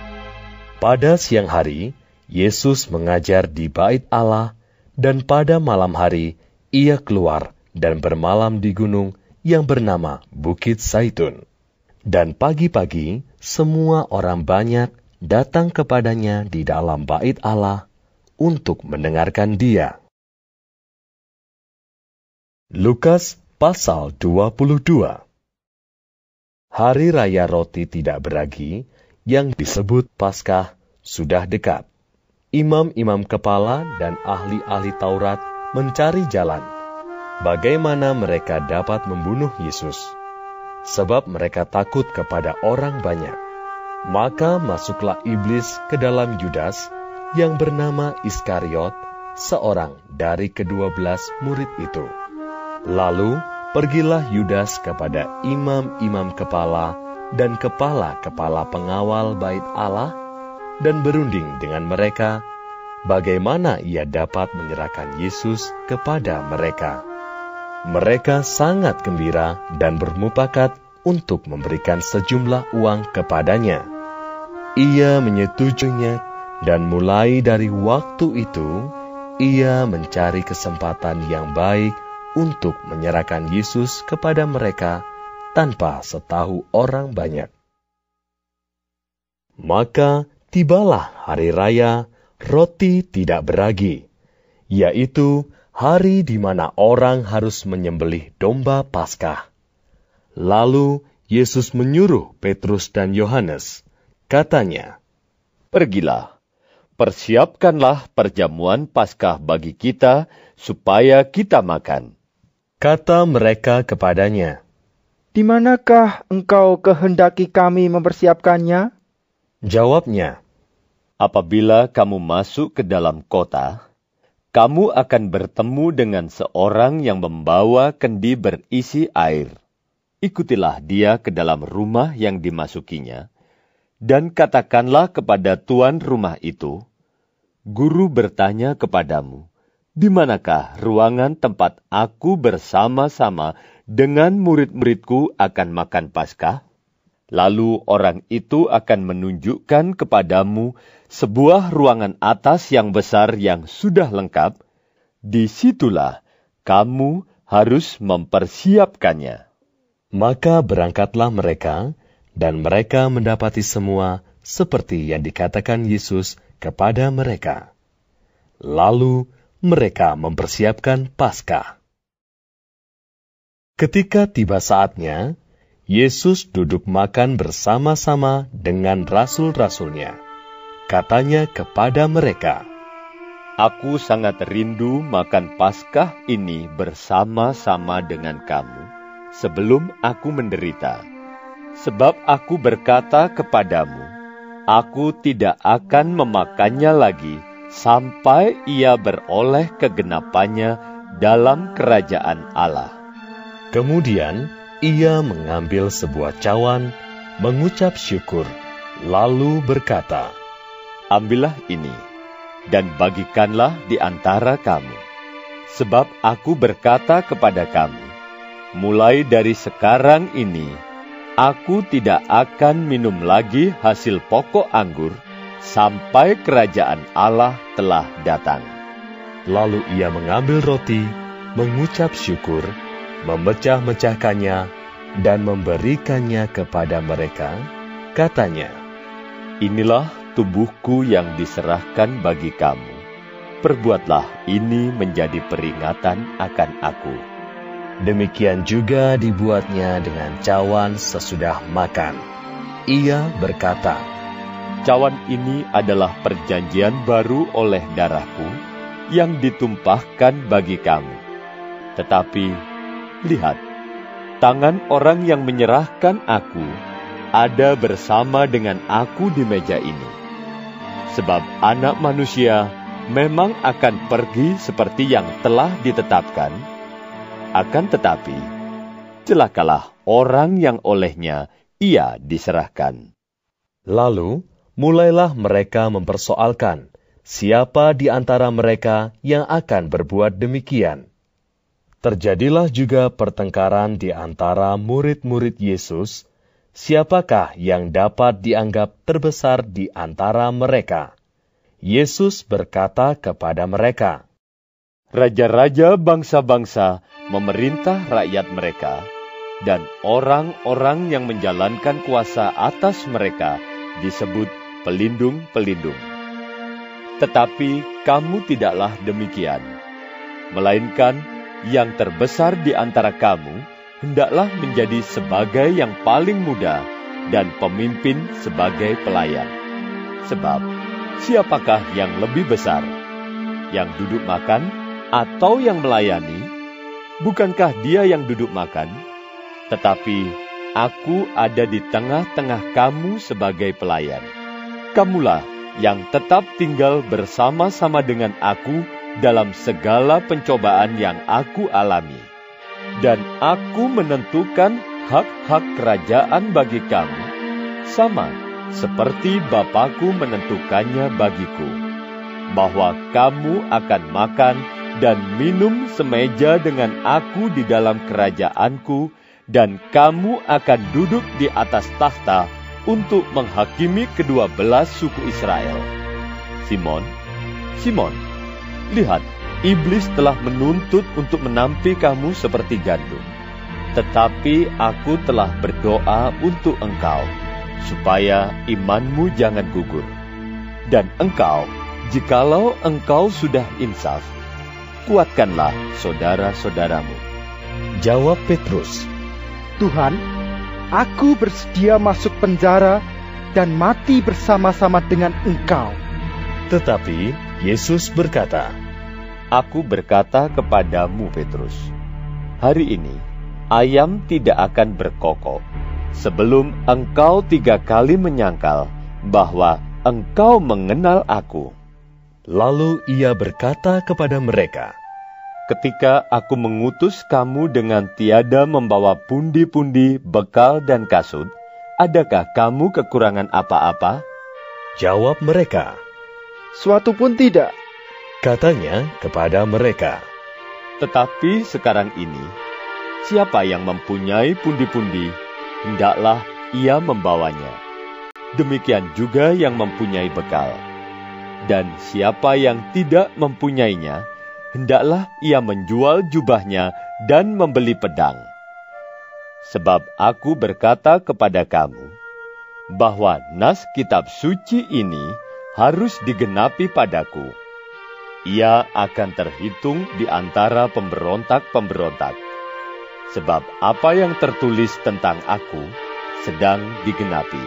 Kata mereka, Tuhan, ini dua pedang. Jawabnya, Sudah, cukup.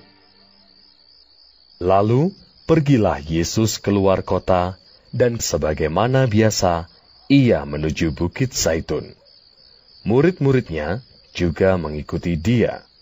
Setelah tiba di tempat itu, ia berkata kepada mereka, Berdoalah, supaya kamu jangan jatuh ke dalam pencobaan. Kemudian ia menjauhkan diri dari mereka, kira-kira sepelempar batu jaraknya. Lalu ia berlutut dan berdoa, katanya, Ya Bapakku, jikalau engkau mau, ambillah cawan ini daripadaku. Tetapi bukanlah kehendakku, melainkan kehendakmulah yang terjadi. Maka seorang malaikat dari langit menampakkan diri kepadanya untuk memberi kekuatan kepadanya. Ia sangat ketakutan dan makin bersungguh-sungguh berdoa. Peluhnya menjadi seperti titik-titik darah yang bertetesan ke tanah. Lalu ia bangkit dari doanya dan kembali kepada murid-muridnya. Tetapi ia mendapati mereka sedang tidur karena duka cita. Katanya kepada mereka, Mengapa kamu tidur? Bangunlah dan berdoalah, supaya kamu jangan jatuh ke dalam pencobaan. Waktu Yesus masih berbicara, datanglah serombongan orang, sedang muridnya yang bernama Yudas, seorang dari kedua belas murid itu, berjalan di depan mereka. Yudas mendekati Yesus untuk menciumnya. Maka kata Yesus kepadanya, Hai Yudas, engkau menyerahkan anak manusia dengan ciuman? Ketika mereka yang bersama-sama dengan Yesus melihat apa yang akan terjadi, berkatalah mereka, Tuhan, mestikah kami menyerang mereka dengan pedang? Dan seorang dari mereka menyerang hamba imam besar, sehingga putus telinga kanannya. Tetapi Yesus berkata, Sudahlah itu.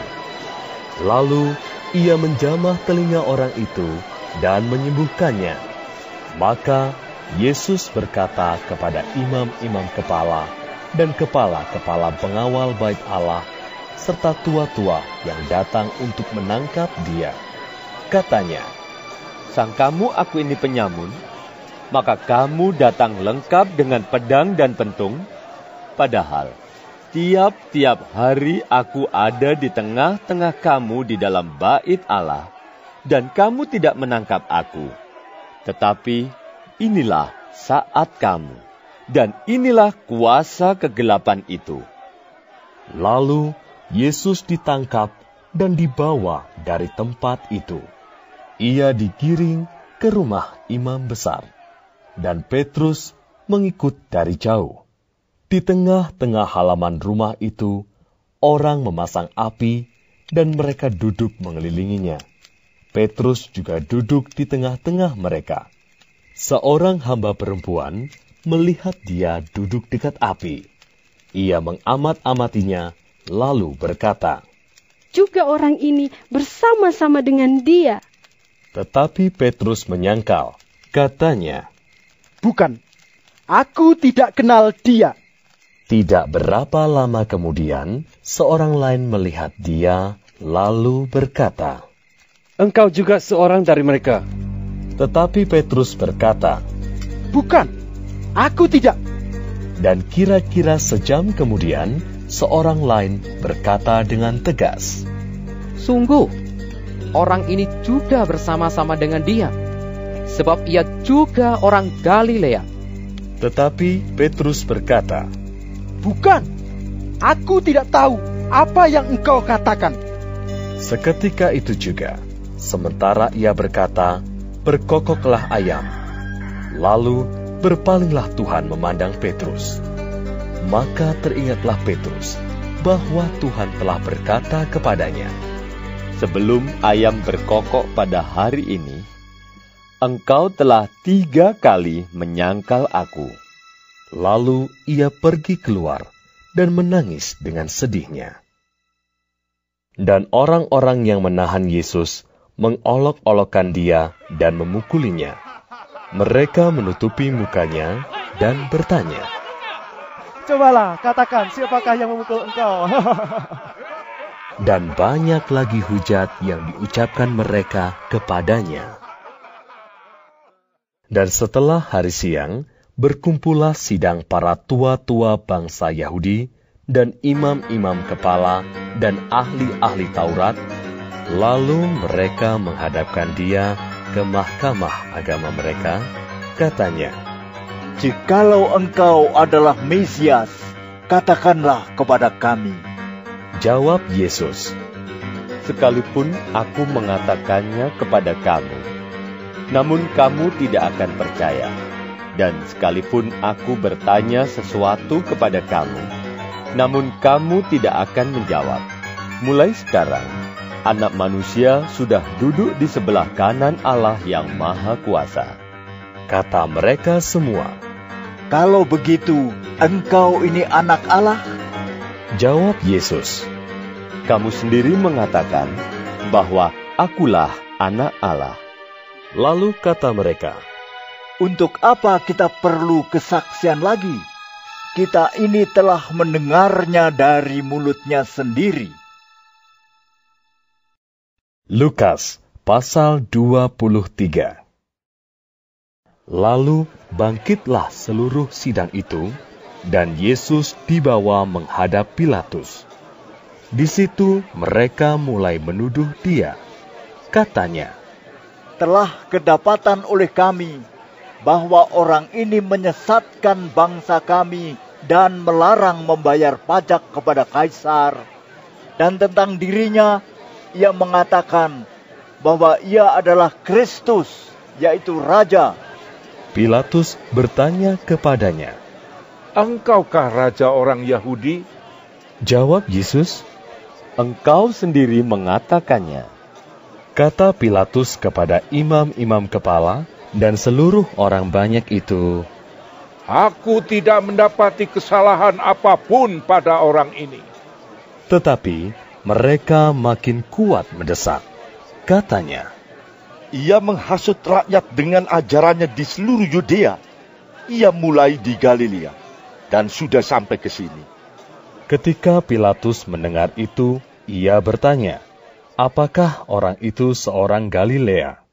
Dan ketika ia tahu bahwa Yesus seorang dari wilayah Herodes, ia mengirim dia menghadap Herodes, yang pada waktu itu ada juga di Yerusalem. Ketika Herodes melihat Yesus, ia sangat girang, sebab sudah lama ia ingin melihatnya karena ia sering mendengar tentang dia. Lagi pula, ia mengharapkan melihat bagaimana Yesus mengadakan suatu tanda.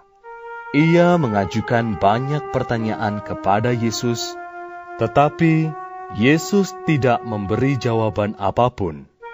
Sementara itu, imam-imam kepala dan ahli-ahli Taurat maju ke depan dan melontarkan tuduhan-tuduhan yang berat terhadap dia. Maka mulailah Herodes dan pasukannya menista dan mengolok-olokkan dia. Ia mengenakan jubah kebesaran kepadanya, lalu mengirim dia kembali kepada Pilatus. Dan pada hari itu juga, bersahabatlah Herodes dan Pilatus. Sebelum itu, mereka bermusuhan. Lalu Pilatus mengumpulkan imam-imam kepala dan pemimpin-pemimpin serta rakyat dan berkata kepada mereka, Kamu telah membawa orang ini kepadaku sebagai seorang yang menyesatkan rakyat. Kamu lihat sendiri bahwa aku telah memeriksanya, dan dari kesalahan-kesalahan yang kamu tuduhkan kepadanya, tidak ada yang kudapati padanya. Dan Herodes juga tidak, sebab ia mengirimkan dia kembali kepada kami. Sesungguhnya, tidak ada suatu apa pun yang dilakukannya yang setimpal dengan hukuman mati. Jadi, aku akan menghajar dia, lalu melepaskannya. Sebab ia wajib melepaskan seorang bagi mereka pada hari raya itu. Tetapi mereka berteriak bersama-sama, Serahkanlah dia! Lepaskanlah Barabas bagi kami! Barabas ini dimasukkan ke dalam penjara berhubung dengan suatu pemberontakan yang telah terjadi di dalam kota dan karena pembunuhan. Sekali lagi, Pilatus berbicara dengan suara keras kepada mereka karena ia ingin melepaskan Yesus. Tetapi mereka berteriak membalasnya. Katanya, Salibkanlah dia! Salibkanlah dia! Kata Pilatus untuk ketiga kalinya kepada mereka. Kejahatan apa yang sebenarnya telah dilakukan orang ini? Tidak ada suatu kesalahan pun yang kudapati padanya yang setimpal dengan hukuman mati. Jadi, aku akan menghajar dia lalu melepaskannya. Tetapi dengan berteriak, mereka mendesak dan menuntut supaya ia disalibkan. Dan akhirnya mereka menang dengan teriak mereka. Lalu Pilatus memutuskan supaya tuntutan mereka dikabulkan. Dan ia melepaskan orang yang dimasukkan ke dalam penjara karena pemberontakan dan pembunuhan itu sesuai dengan tuntutan mereka. Tetapi Yesus diserahkannya kepada mereka untuk diperlakukan semau-maunya. Ketika mereka membawa Yesus, mereka menahan seorang yang bernama Simon dari Kirene yang baru datang dari luar kota, lalu diletakkan salib itu di atas bahunya supaya dipikulnya sambil mengikuti Yesus. Sejumlah besar orang mengikuti dia. Di antaranya banyak perempuan yang menangisi dan meratapi dia. Yesus berpaling kepada mereka dan berkata, Hai putri-putri Yerusalem, janganlah kamu menangisi aku, melainkan tangisilah dirimu sendiri dan anak-anakmu.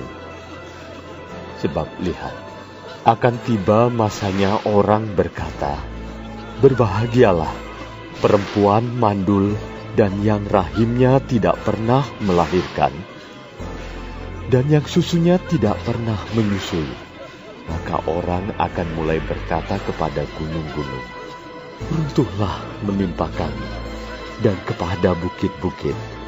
Timbunilah kami, sebab jikalau orang berbuat demikian dengan kayu hidup, apakah yang akan terjadi dengan kayu kering? Dan ada juga digiring dua orang lain, yaitu dua penjahat untuk dihukum mati bersama-sama dengan dia. Ketika mereka sampai di tempat yang bernama Tengkorak, mereka menyalibkan Yesus di situ dan juga kedua orang penjahat itu, yang seorang di sebelah kanannya dan yang lain di sebelah kirinya. Yesus berkata, Ya Bapa, ampunilah mereka, sebab mereka tidak tahu apa yang mereka perbuat dan mereka membuang undi untuk membagi pakaiannya. Orang banyak berdiri di situ dan melihat semuanya. Pemimpin-pemimpin mengejek dia, katanya, Orang lain ia selamatkan. Biarlah sekarang ia menyelamatkan dirinya sendiri jika ia adalah Mesias, orang yang dipilih Allah. Juga prajurit-prajurit mengolok-olokkan dia. Mereka mengunjukkan anggur asam kepadanya dan berkata, Jika engkau adalah raja orang Yahudi, selamatkanlah dirimu. Ada juga tulisan di atas kepalanya, Inilah Raja orang Yahudi. Seorang dari penjahat yang digantung itu menghujat dia, katanya, Bukankah engkau adalah Kristus? Selamatkanlah dirimu dan kami. Tetapi yang seorang menegur dia, katanya, Tidakkah engkau takut juga tidak kepada Allah, sedang engkau menerima hukuman yang sama? Kita memang selayaknya dihukum. Sebab kita menerima balasan yang setimpal dengan perbuatan kita. Tetapi orang ini tidak berbuat sesuatu yang salah. Lalu ia berkata, Yesus, ingatlah akan aku apabila engkau datang sebagai raja. Kata Yesus kepadanya, Aku berkata kepadamu, sesungguhnya hari ini juga engkau akan ada bersama-sama dengan aku di dalam Firdaus. Ketika itu, hari sudah kira-kira jam 12. Lalu Kegelapan meliputi seluruh daerah itu sampai jam 3 sebab matahari tidak bersinar. Dan tabir bait suci terbelah dua. Lalu Yesus berseru dengan suara nyaring. Ya Bapa, ke dalam tanganmu kuserahkan nyawaku. Dan sesudah berkata demikian, ia menyerahkan nyawanya. Ketika kepala pasukan melihat apa yang terjadi, ia memuliakan Allah. Katanya, Sungguh, orang ini adalah orang benar. Dan sesudah seluruh orang banyak yang datang berkerumun di situ untuk tontonan itu, melihat apa yang terjadi itu, pulanglah mereka sambil memukul-mukul diri. Semua orang yang mengenal Yesus dari dekat termasuk perempuan-perempuan yang mengikuti dia dari Galilea, berdiri jauh-jauh dan melihat semuanya itu. Adalah seorang yang bernama Yusuf. Ia anggota majelis besar dan seorang yang baik lagi benar. Ia tidak setuju dengan putusan dan tindakan majelis itu. Ia berasal dari Arimatea, sebuah kota Yahudi dan ia menanti-nantikan kerajaan Allah. Ia pergi menghadap Pilatus dan meminta mayat Yesus. Dan sesudah ia menurunkan mayat itu, ia mengapaninya dengan kain lenan, lalu membaringkannya di dalam kubur yang digali di dalam bukit batu di mana belum pernah dibaringkan mayat. Hari itu adalah hari persiapan dan sabat hampir mulai. Dan perempuan-perempuan yang datang bersama-sama dengan Yesus dari Galilea ikut serta dan mereka melihat kubur itu dan bagaimana mayatnya dibaringkan. Dan setelah pulang, mereka menyediakan rempah-rempah dan minyak mur. Dan pada hari Sabat, mereka beristirahat menurut hukum Taurat. Lukas pasal 24 Tetapi pagi-pagi benar, pada hari pertama minggu itu, mereka pergi ke kubur membawa rempah-rempah yang telah disediakan mereka. Mereka mendapati batu sudah terguling dari kubur itu, dan setelah masuk, mereka tidak menemukan mayat Tuhan Yesus. Sementara mereka berdiri termangu-mangu karena hal itu, tiba-tiba ada dua orang berdiri dekat mereka memakai pakaian yang berkilau-kilauan. Mereka sangat ketakutan dan menundukkan kepala. Tetapi kedua orang itu berkata kepada mereka, Mengapa kamu mencari dia yang hidup di antara orang mati? Ia tidak ada di sini. Ia telah bangkit. Ingatlah apa yang dikatakannya kepada kamu ketika ia masih di Galilea, yaitu bahwa anak manusia harus diserahkan ke tangan orang-orang berdosa dan disalibkan dan akan bangkit pada hari yang ketiga. Maka teringatlah mereka akan perkataan Yesus itu. Dan setelah mereka kembali dari kubur, mereka menceritakan semuanya itu kepada kesebelas murid dan kepada semua saudara yang lain. Perempuan-perempuan itu ialah Maria dari Magdala, dan Yohana, dan Maria ibu Yakobus, dan perempuan-perempuan lain juga yang bersama-sama dengan mereka memberitahukannya kepada rasul-rasul. Tetapi bagi mereka, perkataan-perkataan itu seakan-akan omong kosong, dan mereka tidak percaya kepada perempuan-perempuan itu. Sungguh pun demikian, Petrus bangun, lalu cepat-cepat pergi ke kubur itu. Ketika ia menjenguk ke dalam, ia melihat hanya kain kapan saja. Lalu ia pergi dan ia bertanya dalam hatinya apa yang kiranya telah terjadi. Pada hari itu juga, dua orang dari murid-murid Yesus pergi ke sebuah kampung bernama Emmaus yang terletak kira-kira tujuh mil jauhnya dari Yerusalem. Dan mereka bercakap-cakap tentang segala sesuatu yang telah terjadi. Ketika mereka sedang bercakap-cakap dan bertukar pikiran, datanglah Yesus sendiri mendekati mereka. Lalu berjalan bersama-sama dengan mereka. Tetapi ada sesuatu yang menghalangi mata mereka sehingga mereka tidak dapat mengenal Dia. Yesus berkata kepada mereka, "Apakah yang kamu percakapkan sementara kamu berjalan?" Maka berhentilah mereka dengan muka muram. Seorang dari mereka, namanya Kleopas, menjawabnya, "Adakah engkau satu-satunya orang asing di Yerusalem yang tidak tahu apa yang terjadi di situ pada hari-hari belakangan ini?" Katanya kepada mereka, "Apakah itu?" Jawab mereka, "Apa yang terjadi dengan Yesus orang Nazaret? Dia adalah seorang nabi yang berkuasa dalam pekerjaan dan perkataan di hadapan Allah dan di depan seluruh bangsa kami. Tetapi imam-imam kepala dan pemimpin-pemimpin kami telah menyerahkan dia untuk dihukum mati, dan mereka telah menyalibkannya.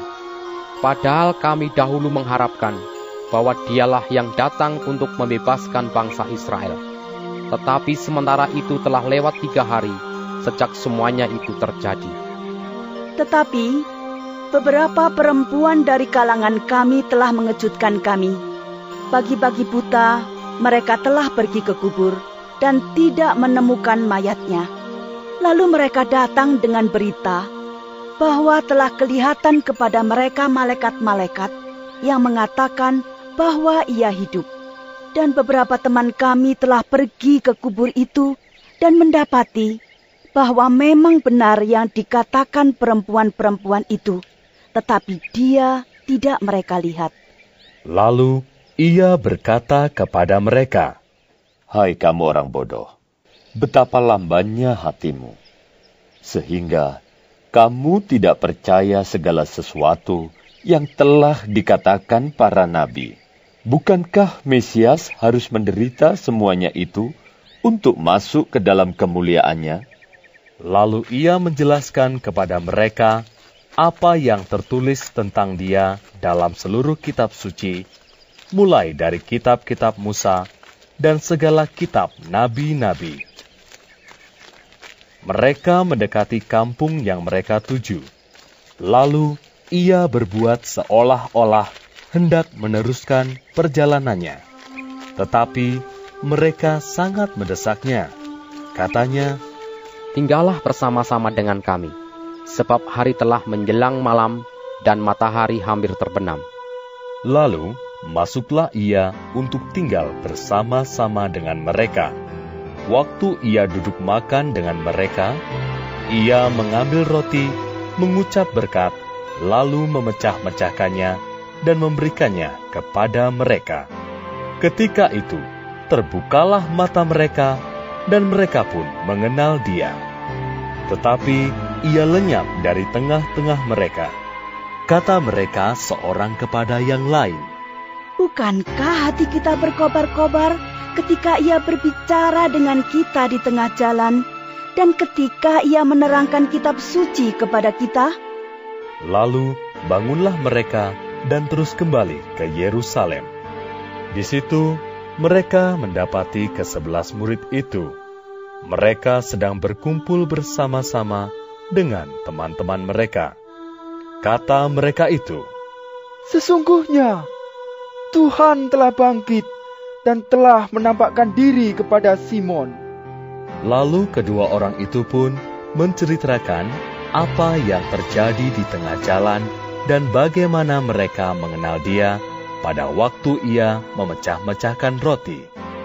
Dan sementara mereka bercakap-cakap tentang hal-hal itu, Yesus tiba-tiba berdiri di tengah-tengah mereka dan berkata kepada mereka, Damai sejahtera bagi kamu. Mereka terkejut dan takut dan menyangka bahwa mereka melihat hantu. Akan tetapi, ia berkata kepada mereka, Mengapa kamu terkejut? Dan apa sebabnya timbul keraguan-raguan di dalam hati kamu? Lihatlah tanganku dan kakiku. Aku sendirilah ini. Rabalah aku dan lihatlah. Karena hantu tidak ada daging dan tulangnya, seperti yang kamu lihat ada padaku. Sambil berkata demikian, ia memperlihatkan tangan dan kakinya kepada mereka. Dan ketika mereka belum percaya karena girangnya dan masih heran, berkatalah ia kepada mereka, Adakah padamu makanan di sini? Lalu mereka memberikan kepadanya sepotong ikan goreng. Ia mengambilnya dan memakannya di depan mata mereka. Ia berkata kepada mereka, Inilah perkataanku yang telah kukatakan kepadamu ketika aku masih bersama-sama dengan kamu, yakni bahwa harus digenapi semua yang ada tertulis tentang aku dalam kitab Taurat Musa, dan kitab nabi-nabi, dan kitab Mazmur. Lalu ia membuka pikiran mereka, sehingga mereka mengerti kitab suci. Katanya kepada mereka, Ada tertulis demikian, Mesias harus menderita dan bangkit dari antara orang mati pada hari yang ketiga, dan lagi, dalam namanya berita tentang pertobatan dan pengampunan dosa harus disampaikan kepada segala bangsa, mulai dari Yerusalem. Kamu adalah saksi dari semuanya ini, dan aku akan mengirim kepadamu apa yang dijanjikan Bapakku. Tetapi kamu harus tinggal di dalam kota ini sampai kamu diperlengkapi dengan kekuasaan dari tempat tinggi. Lalu Yesus membawa mereka keluar kota sampai dekat Betania. Di situ ia mengangkat tangannya dan memberkati mereka. Dan ketika ia sedang memberkati mereka, ia berpisah dari mereka dan terangkat ke sorga. Mereka sujud menyembah kepadanya, lalu mereka pulang ke Yerusalem dengan sangat bersuka cita. Mereka senantiasa berada di dalam bait Allah dan memuliakan Allah.